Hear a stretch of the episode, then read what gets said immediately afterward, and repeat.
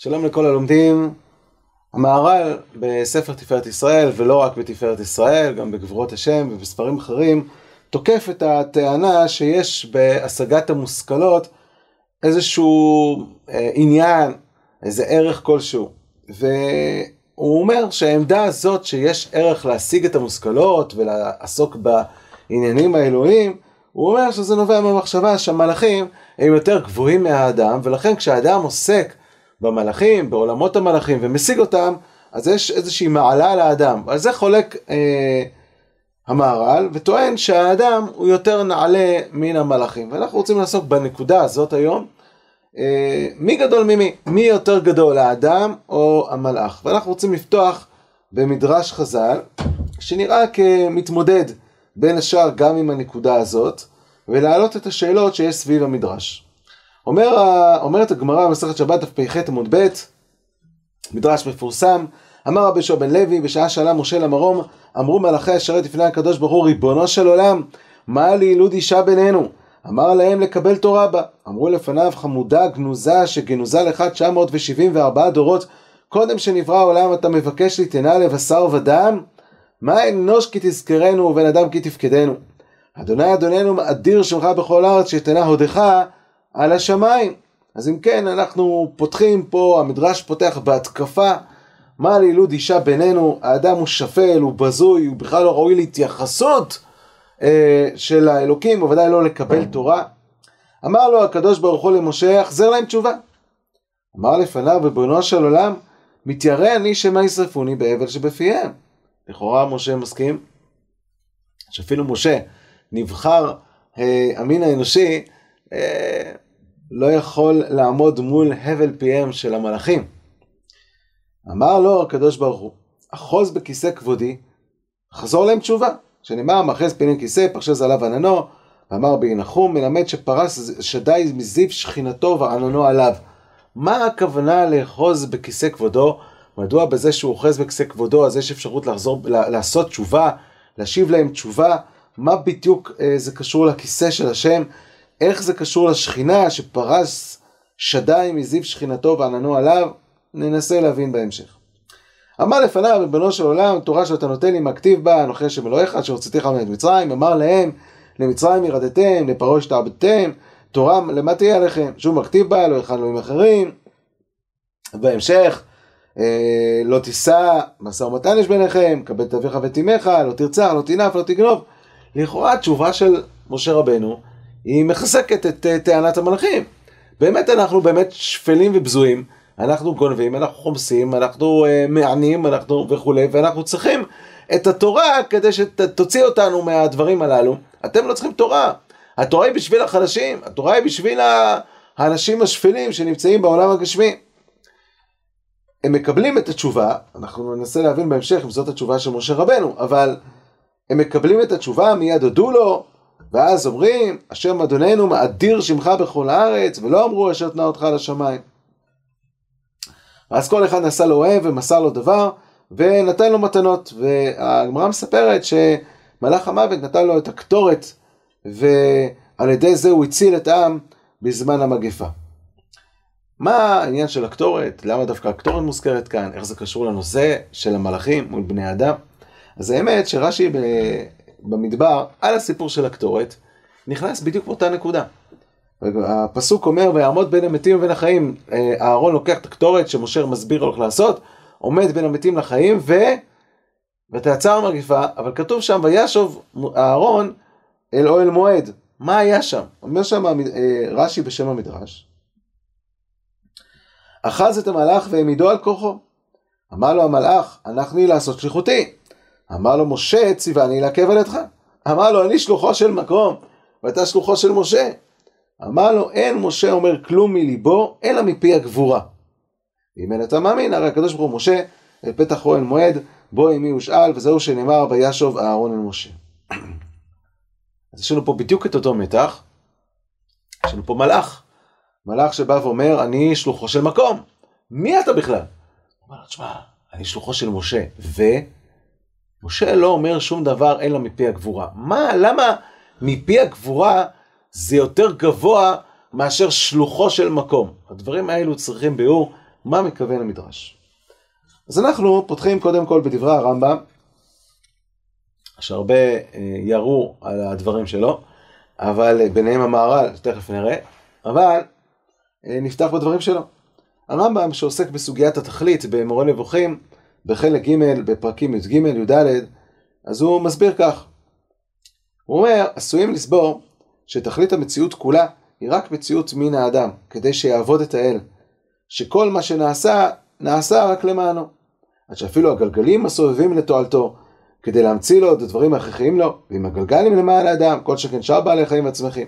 אומר הרמב"ם, היינו יכולים לחשוב שהאדם הוא מרכז הבריאה, ואפילו הגלגלים, הוא לא העז לומר אפילו המלאכים, אבל נראה בהמשך שיש כאלה שאומרים אפילו המלאכים, כולם נבראו בשבילו, הכל כדי לשרת אותו.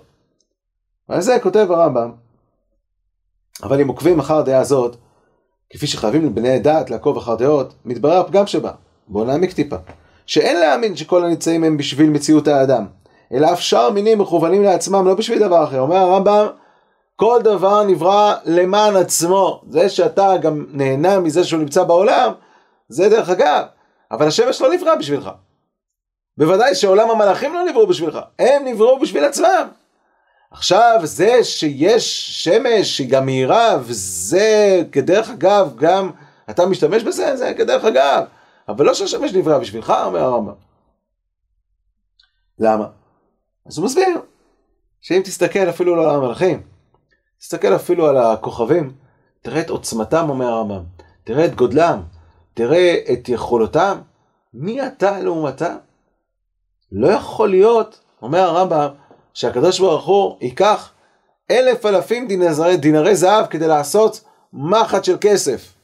זה לא, לא הגיוני, לא הגיוני שהקדוש ברוך הוא ישתמש בדברים שיש להם ערך רב בשביל בסוף להוציא משהו שיש לו ערך מועט. ולכן אומר הרמב"ם, הגלגלים לא נבראו בשבילך, הכוכבים לא נבראו בשבילך. קל וחומר, כל שכן כשתעיין במציאות הזכלים הנבדלים שהם הרבה יותר מעל המציאות שלך. במילים יכולות לסכם. אומר הרמב"ם, המלאכים, ואפילו הגלגלים, הכוכבים, הם למעלה ממדרגת האדם, כיוון שהם למעלה ממדרגת האדם לא הגיוני שהקדוש ברוך הוא יעשה אותם בשבילך, ולכן לא הגיוני שאתה האדם תכלית הבריאה. אלה הם שלושת הנקודות בשלבים שאומר הרמב"ם. מה הסיבה שלדעת הרמב"ם המלאכים הם יותר ממדרגת האדם? שתי סיבות. סיבה אחת כותב הרמב"ם במורה נבוכים ב' י"א הנמצאים זולת הבורא התעלה מתחלקים לשלושה חלקים. האחד זה השכלים הנבדלים שהם רוחניים נצחיים. השני, גרמים הגלגלים, נושאי הצורות הקבועות, שאין הצורה שבהם משתנה מנושא לנושא. במילים אחרות, אה, הרמב"ם ראה את הגלגלים ואת הכוכבים כנמצאים שהם מצד אחד גשמיים, מצד שני הם נצחיים וקבועים, אין בהם שום שינוי. ומצד, והשלישי זה הגופים שנמצאים פה מתחת, אה, בשפה של הרמב"ם, גלגל הירח, כלומר בעולם הגשמי שלנו שהם מתהווים וקלים, שהם במדרגה הנמוכה יותר. אז קודם כל אנחנו במדרגה נמוכה כי אנחנו מתהווים וקלים. כלומר אין לנו קביעות, אין לנו נצחיות.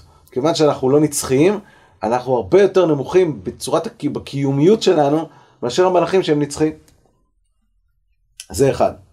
שתיים, הרמב"ם אה, כותב שם באותו מקום שהסדר של ההשתלשלות של העולם, איך העולם בעצם מושפע מן האלוה, אז מביא בעצם את אריסטו, שהאלוה משפיע לשכל הראשון, השכל הראשון משפיע על השכל שמתחתיו, למלאך שמתחתיו, המלאך שמתחתיו, וככה זה הולך ויורד ממלאך למלאך, במקביל הם גם משפיעים גלגלים, וככה זה הולך ויורד, כאשר כל אחד מקבל שפע גדול ומשפיע על מה שמתחתיו, ומשפיע על מה שמתחתיו, עד שמגיע המלאך האחרון, שהוא מהווה רק את הגלגל שתחת גלג... שהוא אה, גלגל הירח, מתחתיו בעצם יש רק את היסודות, שזה ארבעת יסודות שלנו, ומשם יש את כל העולם הגשמי. אז אומר הרמב"ם, תראה, אתה, הקיומיות שלך נובעת משיריים של שפע של איזה מלאך שנקרא אישים, שהוא שיריים של שפע של מלאך שהוא גבוה יותר ממנו, שהוא שיריים של שפע של מלאך שגבוה ממנו, וגבוה ממנו גבוה עד האלוה. אומר הרמב"ם, אם אתה מהשיריים של השיריים של השיריים של השיריים של השפע האלוקי, איך תהיה במדרגה יותר גבוהה מאחרים? אלה הם שתי הנקודות שכותב הרמב"ם ביחס להבחנה שבין האדם לבין המלאכים. הוא עוד כותב עוד איזשהו משפט שם, אין מציאותו של המשפיע הזה, כוונתו ומטרתו להשפיע על קולט אחד מסוים בלבד. זה לא שתפקיד מי שנמצא למעלה זה להשפיע את מי שמתחתיו, זה מושפע ממילא. אומר הרמב"ם זה כמו ספל שמילאו אותו במים והוא קיבל כל כך הרבה מים עד שהוא נשפך על גדותיו וזה נשפך למי שמתחתיו. מי שמתחתיו מקבל לא בגלל שהוא רוצה או שהוא אפילו נועד בשבילו. זה קורה ממילא, כמו שהשמש מאירה לנו, כמו שהסברנו לפני. עד כאן דברי הרמב"ם, ומכאן מתחילות ההתקפות.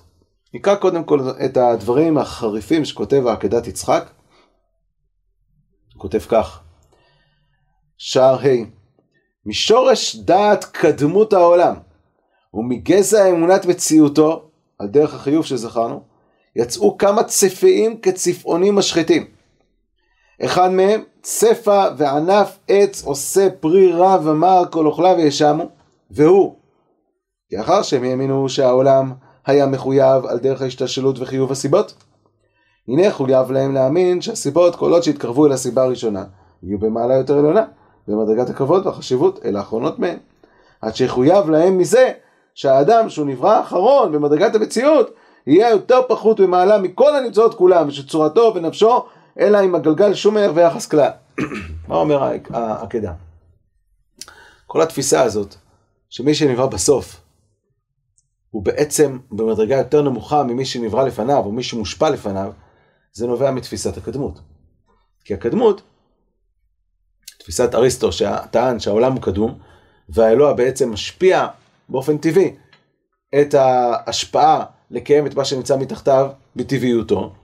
אז המבנה שהציע אריסטו זה שיש איזושהי השתלשלות של איזה פירמידה כזאת, שהאלוה משפיע באופן טבעי למה שמתחתיו, מה שמתחתיו מקבל יותר ממה שהוא זקוק והוא משפיע על מה שמתחתיו, וככה זה הולך ויורד, עד שזה מגיע בסוף אל האדם שמקבל בזרסיף. וכל זה, זה דבר שהוא מבנה קבוע טבעי שקיים במציאות מאז ומעולם.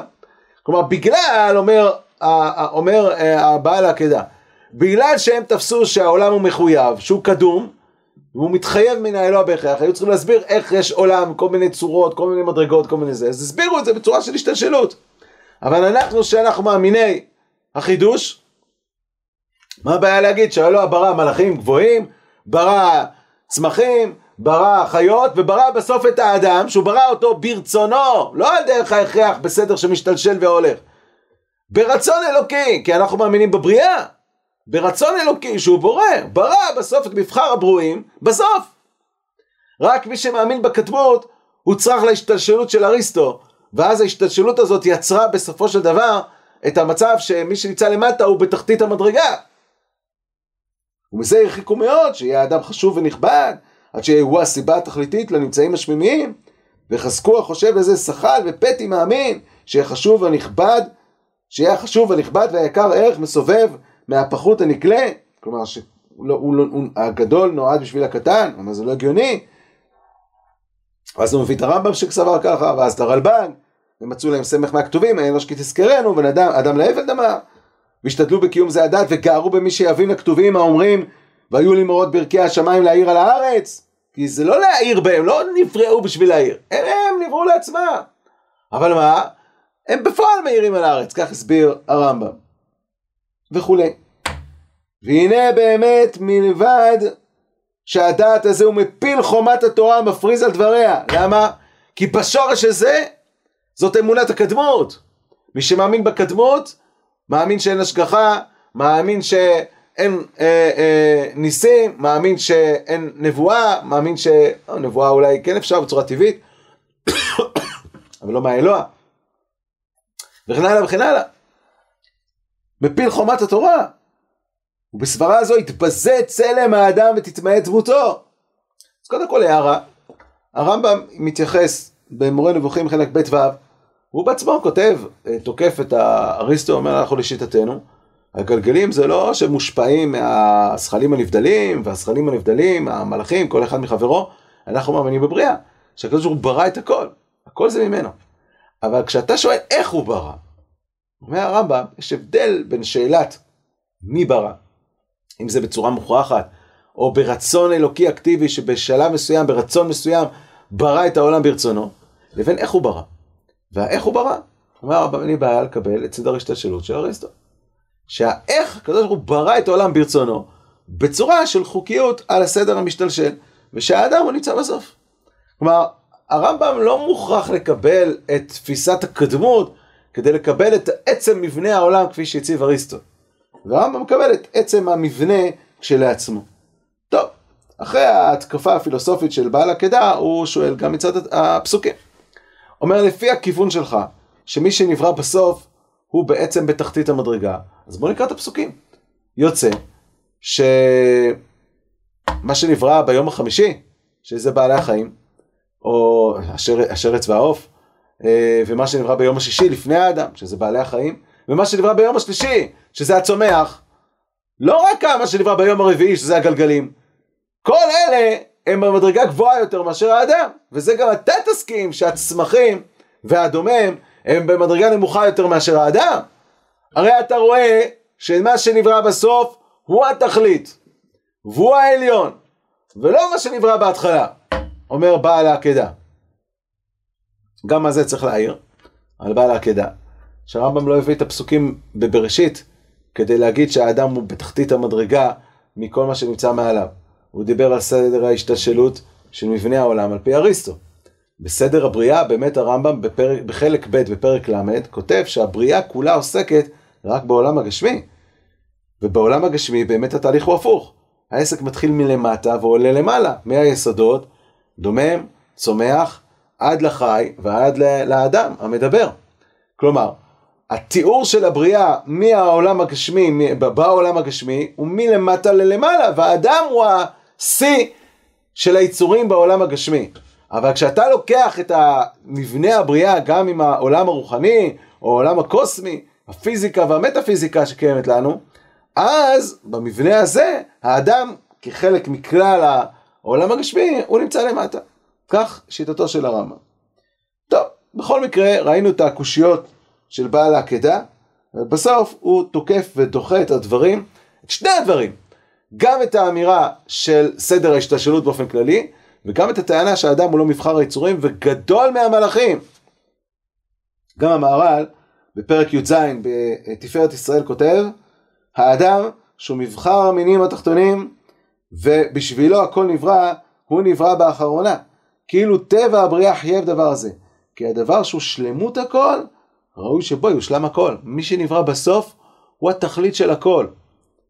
אז בהתחלה הוא כותב, אה, נבחר המינים התחתונים, ובהמשך הוא כותב, האדם שהוא שלמות כל מעשה בראשית, ובו, בבריאתו, נשלם כל מעשה בראשית.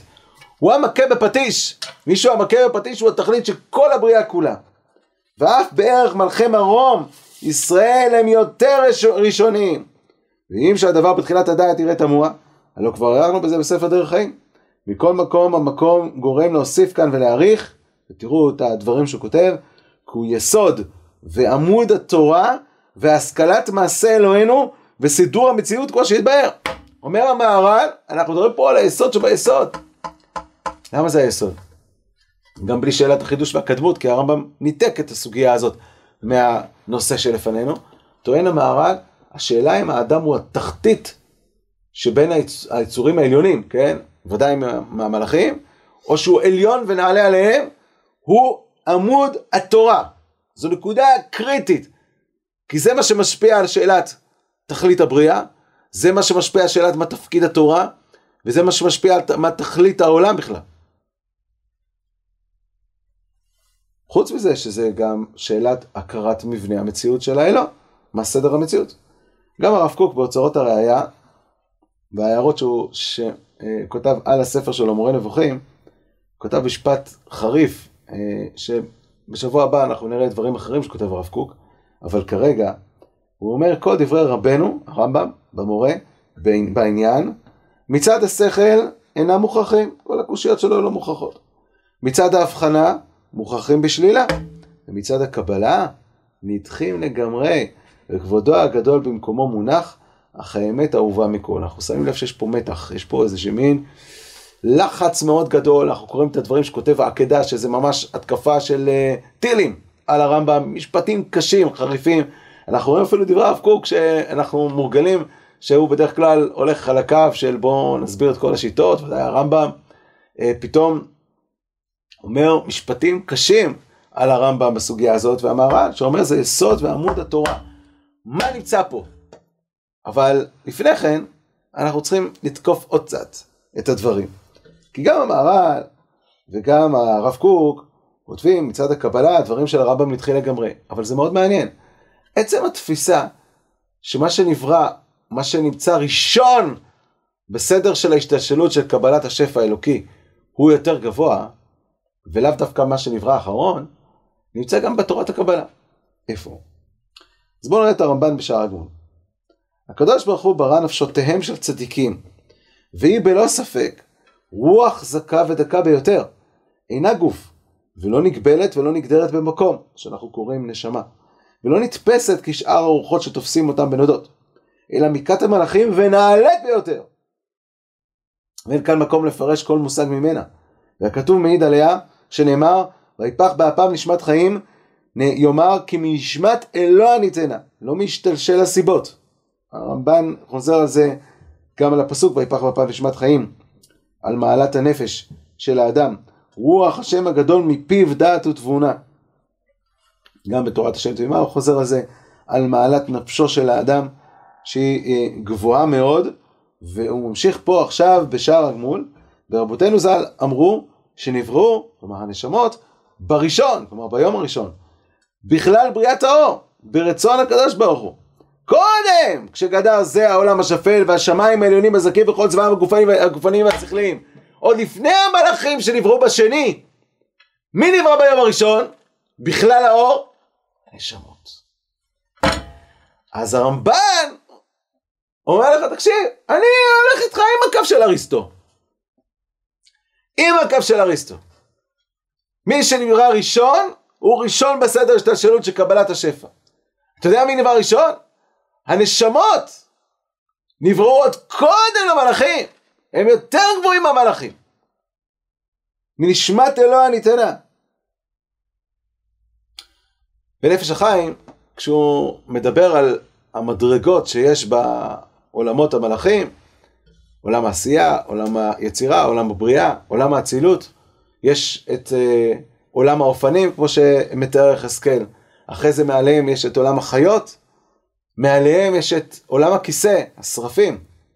מה יש מעל? אומר נפש החיים, כל העולמות נכללים ונחלקים לארבע כידוע, שהם האופנים והחיות וכיסא כבודו ואצילות קודשו יתברך. ונשמת כל אחד הוא העולם שעליו. כלומר, כל מה שנמצא מעל הוא מה שמנהל את מי שמתחתיו. כמו שכתוב, בהינשא החיות, ינשאו האופנים לעומתם. כלומר, פעולת החיות משפיעה על האופנים שנמצאים מתחתיהם. כרוח החיה באופנים. בלכתם ילכו, בעומדם יעמדו. והחיות גם כן מתנהגים על ידי עולם הכיסא שעליהם, עולם השרפים. כמו שאמרו אותנו זכרנו לברכה, שכיסא נושא את נושאיו. מנשמת החיים של הכיסא. מי מנהל את הכיסא? מי, מי, מי נמצא מעל עולם הכיסא? הוא סוד שורש העליון של כללות נשמות ישראל יחד, שהוא יותר גבוה ומאוד נעלה גם מהכיסא, והוא האדם שעל הכיסא.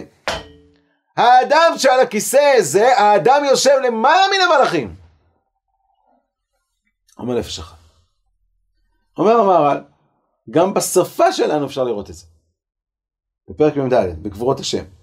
אמנם אני אומר, כי כל האומר כי המלאכים נבדלים הם יותר במעלה מן ישראל, שהם אדם באמת, אשר נקראו בנים לא יתברך, אין רוח חכמים לא חי מהם. ויורא זה השם, כי המלאכים נקראים מלאכים, מלשון שלוחים, מלאך, שליח, מפני שהם שלוחים לצורך הנמצאים. אינם עיקר שיקרא אלוהותו יתברך עליהם, אבל ישראל ההפך זה, שנקראו בנים. כלומר, בוא נסתכל על השמות, מלאך זה שליח, יש לך מלך ויש לו שליח. שליח של המלך, ויש את הבן של המלך, מי יותר גבוה? הבן או השליח? מי משרת את מי? השליח את הבן או הבן את השליח? אומר המהר"ל, תסתכל בשפה.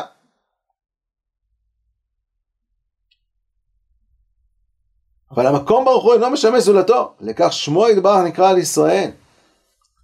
זה אולי מה שראינו במדרש ברש"י רש"י הביא, שהוא אומר לו, אני שלוחו של מקום! כך אומר אותו שליח, אותו מלאך המוות. אומר לו, אהרון, אני שלוחו של משה, ומשה לא אומר דבר כי אם מפי הגבורה. מה זה מפי הגבורה? נשמות ישראל זה ויפח באפיו נשמת, הפ... נשמת חיים. אנחנו מפי הגבורה, אנחנו במדרגה הרבה יותר גבוהה ממך. אולי זה מה שראינו לפני כן בנפש החיים, מה שהתכוון למדרש. אחוז בכיסא כבודי. מה זאת אומרת אחוז בכיסא כבודי? אני מפחד מהשרפים שישרפוני בעבד שבפיהם. הוא אומר לו, מה אתה מפחד מעולם הכיסא? תאחוז בכיסא, אתה שולט על הכיסא, אתה האדם שעל הכיסא. תגיע לשורש נשמתך שהיא גבוהה יותר מעולם המלאכים. אחוז בכיסא כבודי ואחזור להם תשובה. אומר הקדוש ברוך הוא למשה רבנו. אומר נפש החיים, זהו שכתוב בזוהר בעניין הפסוק אחור וקדם צרתני, אחור לעובדה דבראשית, וקודם למעשה, לעובדה דמרכבה. אנחנו עוד לפני מעשה מרכבה. מצד הגוף, אנחנו בסוף מעשה בראשית. הגוף של האדם הוא מדרגה הכי תחתונה שיש מכל הנמצאים הגשמיים. מצד שורש עליון של נשמת החיים שלו, הוא קודם אפילו לעובדה דמרכבה, שם העולם הכיסא. אם הגענו לזה, בעצם יש שני צדדים באדם. הגוף שלו באמת הוא עכור, שייך לעולם החומרי, אבל הנשמה שלו היא יותר גבוהה מעולם המלאכים. עכשיו אם זה כך, אז בעצם הרמב"ם במובן מסוים צודק. למה? כי מה אמר הרמב"ם? הרמב"ם לא אמר שהמלאך יותר גבוה מהנשמה, הוא לא, לא התעסק בנשמה בכלל. האדם, שהוא נמצא בגוף ונשמה, פה בעולם הזה. בהיותו בגוף. הוא במדרגה נמוכה יותר מאשר המלאכים. זה נכון שיש לו נשמה גבוהה, אבל יש לו גוף, שהגוף הזה, בסופו של דבר הוא זה שמתפקד בעולם הגשמי בהתאם למדרגת גופו, והוא אדם גשמי. גם העקדה, הוא אומר, תשמע, כל הפסוקים שהבאת אתה צודק. כל הפסוקים על נמחיותו של האדם, אבל זה כלפי הגוף שלו, לא כלפי הנשמה שלו. אז גם אתה מסכים בעצם. כי הנה באמת, כל מה שאמרו מזה העניין, מבחינת הגופים הארציים, מודים אנו להם. לא נכחד מהם דבר, אני מסכים עם פילוסופים כלפי הגוף.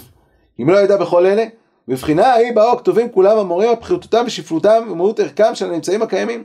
ואנחנו לא נאמר, מבחינת הצורה הנכבדת העליונה, אשר עליה נאמר שנברא האדם בצלם, בדמות אלוהים, כי מבחינתה בטלו כל טענותיהם. שמצד הצורה הנכבדת הזאת, פשוטה, רוחנית, מדרגתה, מדרגת השכלים הנבדלים, קרובה להם. ראינו שפי המקובלים, אפילו עליונה יותר. לא נגרם מלהאמין שנבראו השמיים לצורך האנשים האלוהיים. אשר בצלם אלוהים ודמותו, כמו שהראו על זה הכתובים. אז לא בטוח שהרמב"ם והעקדה כל כך חלוקים לכאורה. הרמב"ם אולי מדבר על האדם בהיותו בגופו, ונותן את הזווית המרכזית על הגוף, והעקדה אומרת, שמע, למרות הגוף הוא באמת אה, נמוך מאוד, אבל יש לו נשמה גבוהה, מצד הנשמה גבוהה, העולם נברא בשבילו. טוב, אבל בהיותו בגוף, העולם לא נברא בשבילו. אז לכאורה, זה מה שהתכוון משה רבנו, שאני מפחד שהם ישרפוני באבל שבפיהם, מצד הגוף. אמר לו הקדוש ברוך הוא, תעלה למדרגת נשמה. יכלנו פה לעצור ולהגיד, שמע, אלו ואלו דברי אלוקים חיים, מצד הגוף זה כך, מצד הנשמה זה כך, והכל בסדר, כולם צודקים, כולם מסכימים, הכל נפלא. כל שאלה של זווית ראייה, אבל זה לא נכון. למה זה לא נכון? קודם כל מצד המדרש שפתחנו בו. אז מה תשובת משה בסוף? משה היה צריך להגיד למלאכים, אם הוא אחז בכיסא כבודו, מי אתם בכלל? אתם יודעים איזה נשמה יש לי? הוא לא אומר את זה. הוא אומר להם, תקשיבו, ירדנו למצרים, אתם ירדתם למצרים, אתם רוצחים, אתם שודדים, אתם נואפים, רגע, מה אמר לו הקדוש ברוך הוא? אמר לו, אחוז בכיסא כבודי, מחזיר להם תשובה. מה הוא עונה לו? מה הוא עונה להם? לכאורה תשובת משה לא תואמת את כל המהלך. זאת שאלה אחת. שאלה שנייה, אם מעלתו של האדם היא רק מצד נשמתו, אבל בהיותו בגוף הוא לא במעלה כמו, אלא כמו כל שאר החומר, אז לכאורה צודק הרמב"ם שהמלאכים לא נבראו בשביל האדם, לפחות בהיותו בגוף, אבל כל המקובלים, וגם המהר"ל, סוברים שהאדם בגופו הוא תכלית הבריאה. וכך כותב הרמח"ל, אך הבריאה העיקרית באמת היא המין האנושי, וכל שאר הנבראים בין הגבוהים ממנו, כלומר גם כאשר הוא בגופו, וכרגע הם גבוהים יותר ממנו, לא כשהוא עוזב את הגוף והנשמה הולכת לה. בהיותו בגוף, בין השפלים ממנו, אינם אלא בעבורו, להשלמת עניינו. אז כן יש מחלוקת. נכון שהנשמה היא גבוהה, אבל בהיותה בגוף, אומר הרמח"ל, כל הנבראים, כל הנבראים הרוחניים, נבראו בשבילו, למצב הזה הגשמי שלו. ואותו דבר גם בתפארת ישראל, פרק י"ב. אומר המהר"ל, והאדם הוא עיקר הבריאה, והכל נברא, שהכל נברא בשבילו, והוא בלבד כל המציאות, ולא זולת זה. אם שהאדם הוא בעל חומר, לא הנשמה, אל תברח לי לנשמה. בי אותו בחומר, בזמן היותו בחומר. הנה מצד צלם אלוקים שנברא בו, יש בו מעלה מושגת מן העליונים. עכשיו צריך להבין, מה זה צלם אלוקים? גם כשהוא בחומר, יש בו צלם אלוקים שנותן לו מעלה למעלה ממדרגת המלאכים, עם הגוף שלו. אז מה זה צלם אלוקים? הרמב"ם כותב במורה נבוכים א' א', צלם אלוקים זה היכולת ההשגה שלנו. עכשיו אתה מבין שאם זה יכולת ההשגה, אז יכולת ההשגה של האדם בהיותו בגוף היא השגה גשמית בלבד. הוא לא יכול להשיג בכלל משהו נבדל מכל הממדים הגופניים, אז בוודאי שהוא למטה מעולם המלאכים, כמו שכותב הרמב"ם במפורש, בהלכות עושי התורה וגם במורה. אומר אה, המהר"ל, צלם אלוקים זה לא השכל של האדם. אם פירושו שנברא האדם בצלם אלוקים, היינו, השכל שבאדם, כמו שפירש הרמב"ם, הצלם שזכר הכתוב, דבר הזה אין מוכח כך. כי מה שנאמר כאן, אנחנו מדברים פה עכשיו במהר"ל בדרך חיים, במסכת אבות, על המשנה שאומרת חביב אדם שנברא בצלם. חביב ממי? מהפיל? מהכלב? ברור שחביב הכוונה מהמלאכים. אחרת לא היה צריך להגיד. חביב אדם שנברא בצלם, אם הצלם זה השכל שלו, איזה חביב יש? הרי מלאכים יותר גבוהים ממנו. מה שאמר כאן חביב האדם הקורחה פירושו שהוא חביב אף מן המלאכים. כי מה שהאדם חביב מן הבהמה ודבר, וכי דבר זה צריך לומר, הקורח פירושו שהאדם חביב מן, אף מן המלאכים כמו שהתבהר. בוודאי יש במלאכים דעת וחוכמה. כך מוכרח לומר, כי דבר זה צלם אלוקים עניין בפני עצמו. ובעצם, אם אנחנו נסכם, ראינו שגם המקובלים מסכימים שהגוף של האדם הוא נמוך. הנשמה של האדם היא גבוהה. אבל לא בגלל שהנשמה היא גבוהה, האדם הוא למעלה מהמלאכים. והאדם הוא תכלית הבריאה. אלא בהיותו בגוף, יש בו מעלה שנקראת צלם אלוקים, שזה לא קשור לסוגיה השכלית שלו, ליכולות השכליות שלו. יש לו צלם אלוקים שבגלל זה הוא למעלה ממדרגת המלאכים. ואומר המהר"ל, זה יסוד התורה ועיקרה. ולכן הדבר הזה הוא קריטי להבין אותו. אז אנחנו נשאר לנו להבין בשבוע הבא. אחד, זה מה תשובתו של משה רבנו. שתיים, כיצד האדם בהיותו בגוף הוא למעלה ממדרגת המלאך, לשיטתם. שלוש, מה זה צלם אלוקים, ולמה כל העניין הזה הוא יסוד התורה. עד כאן, שיהיה המשך לימוד מוצלח.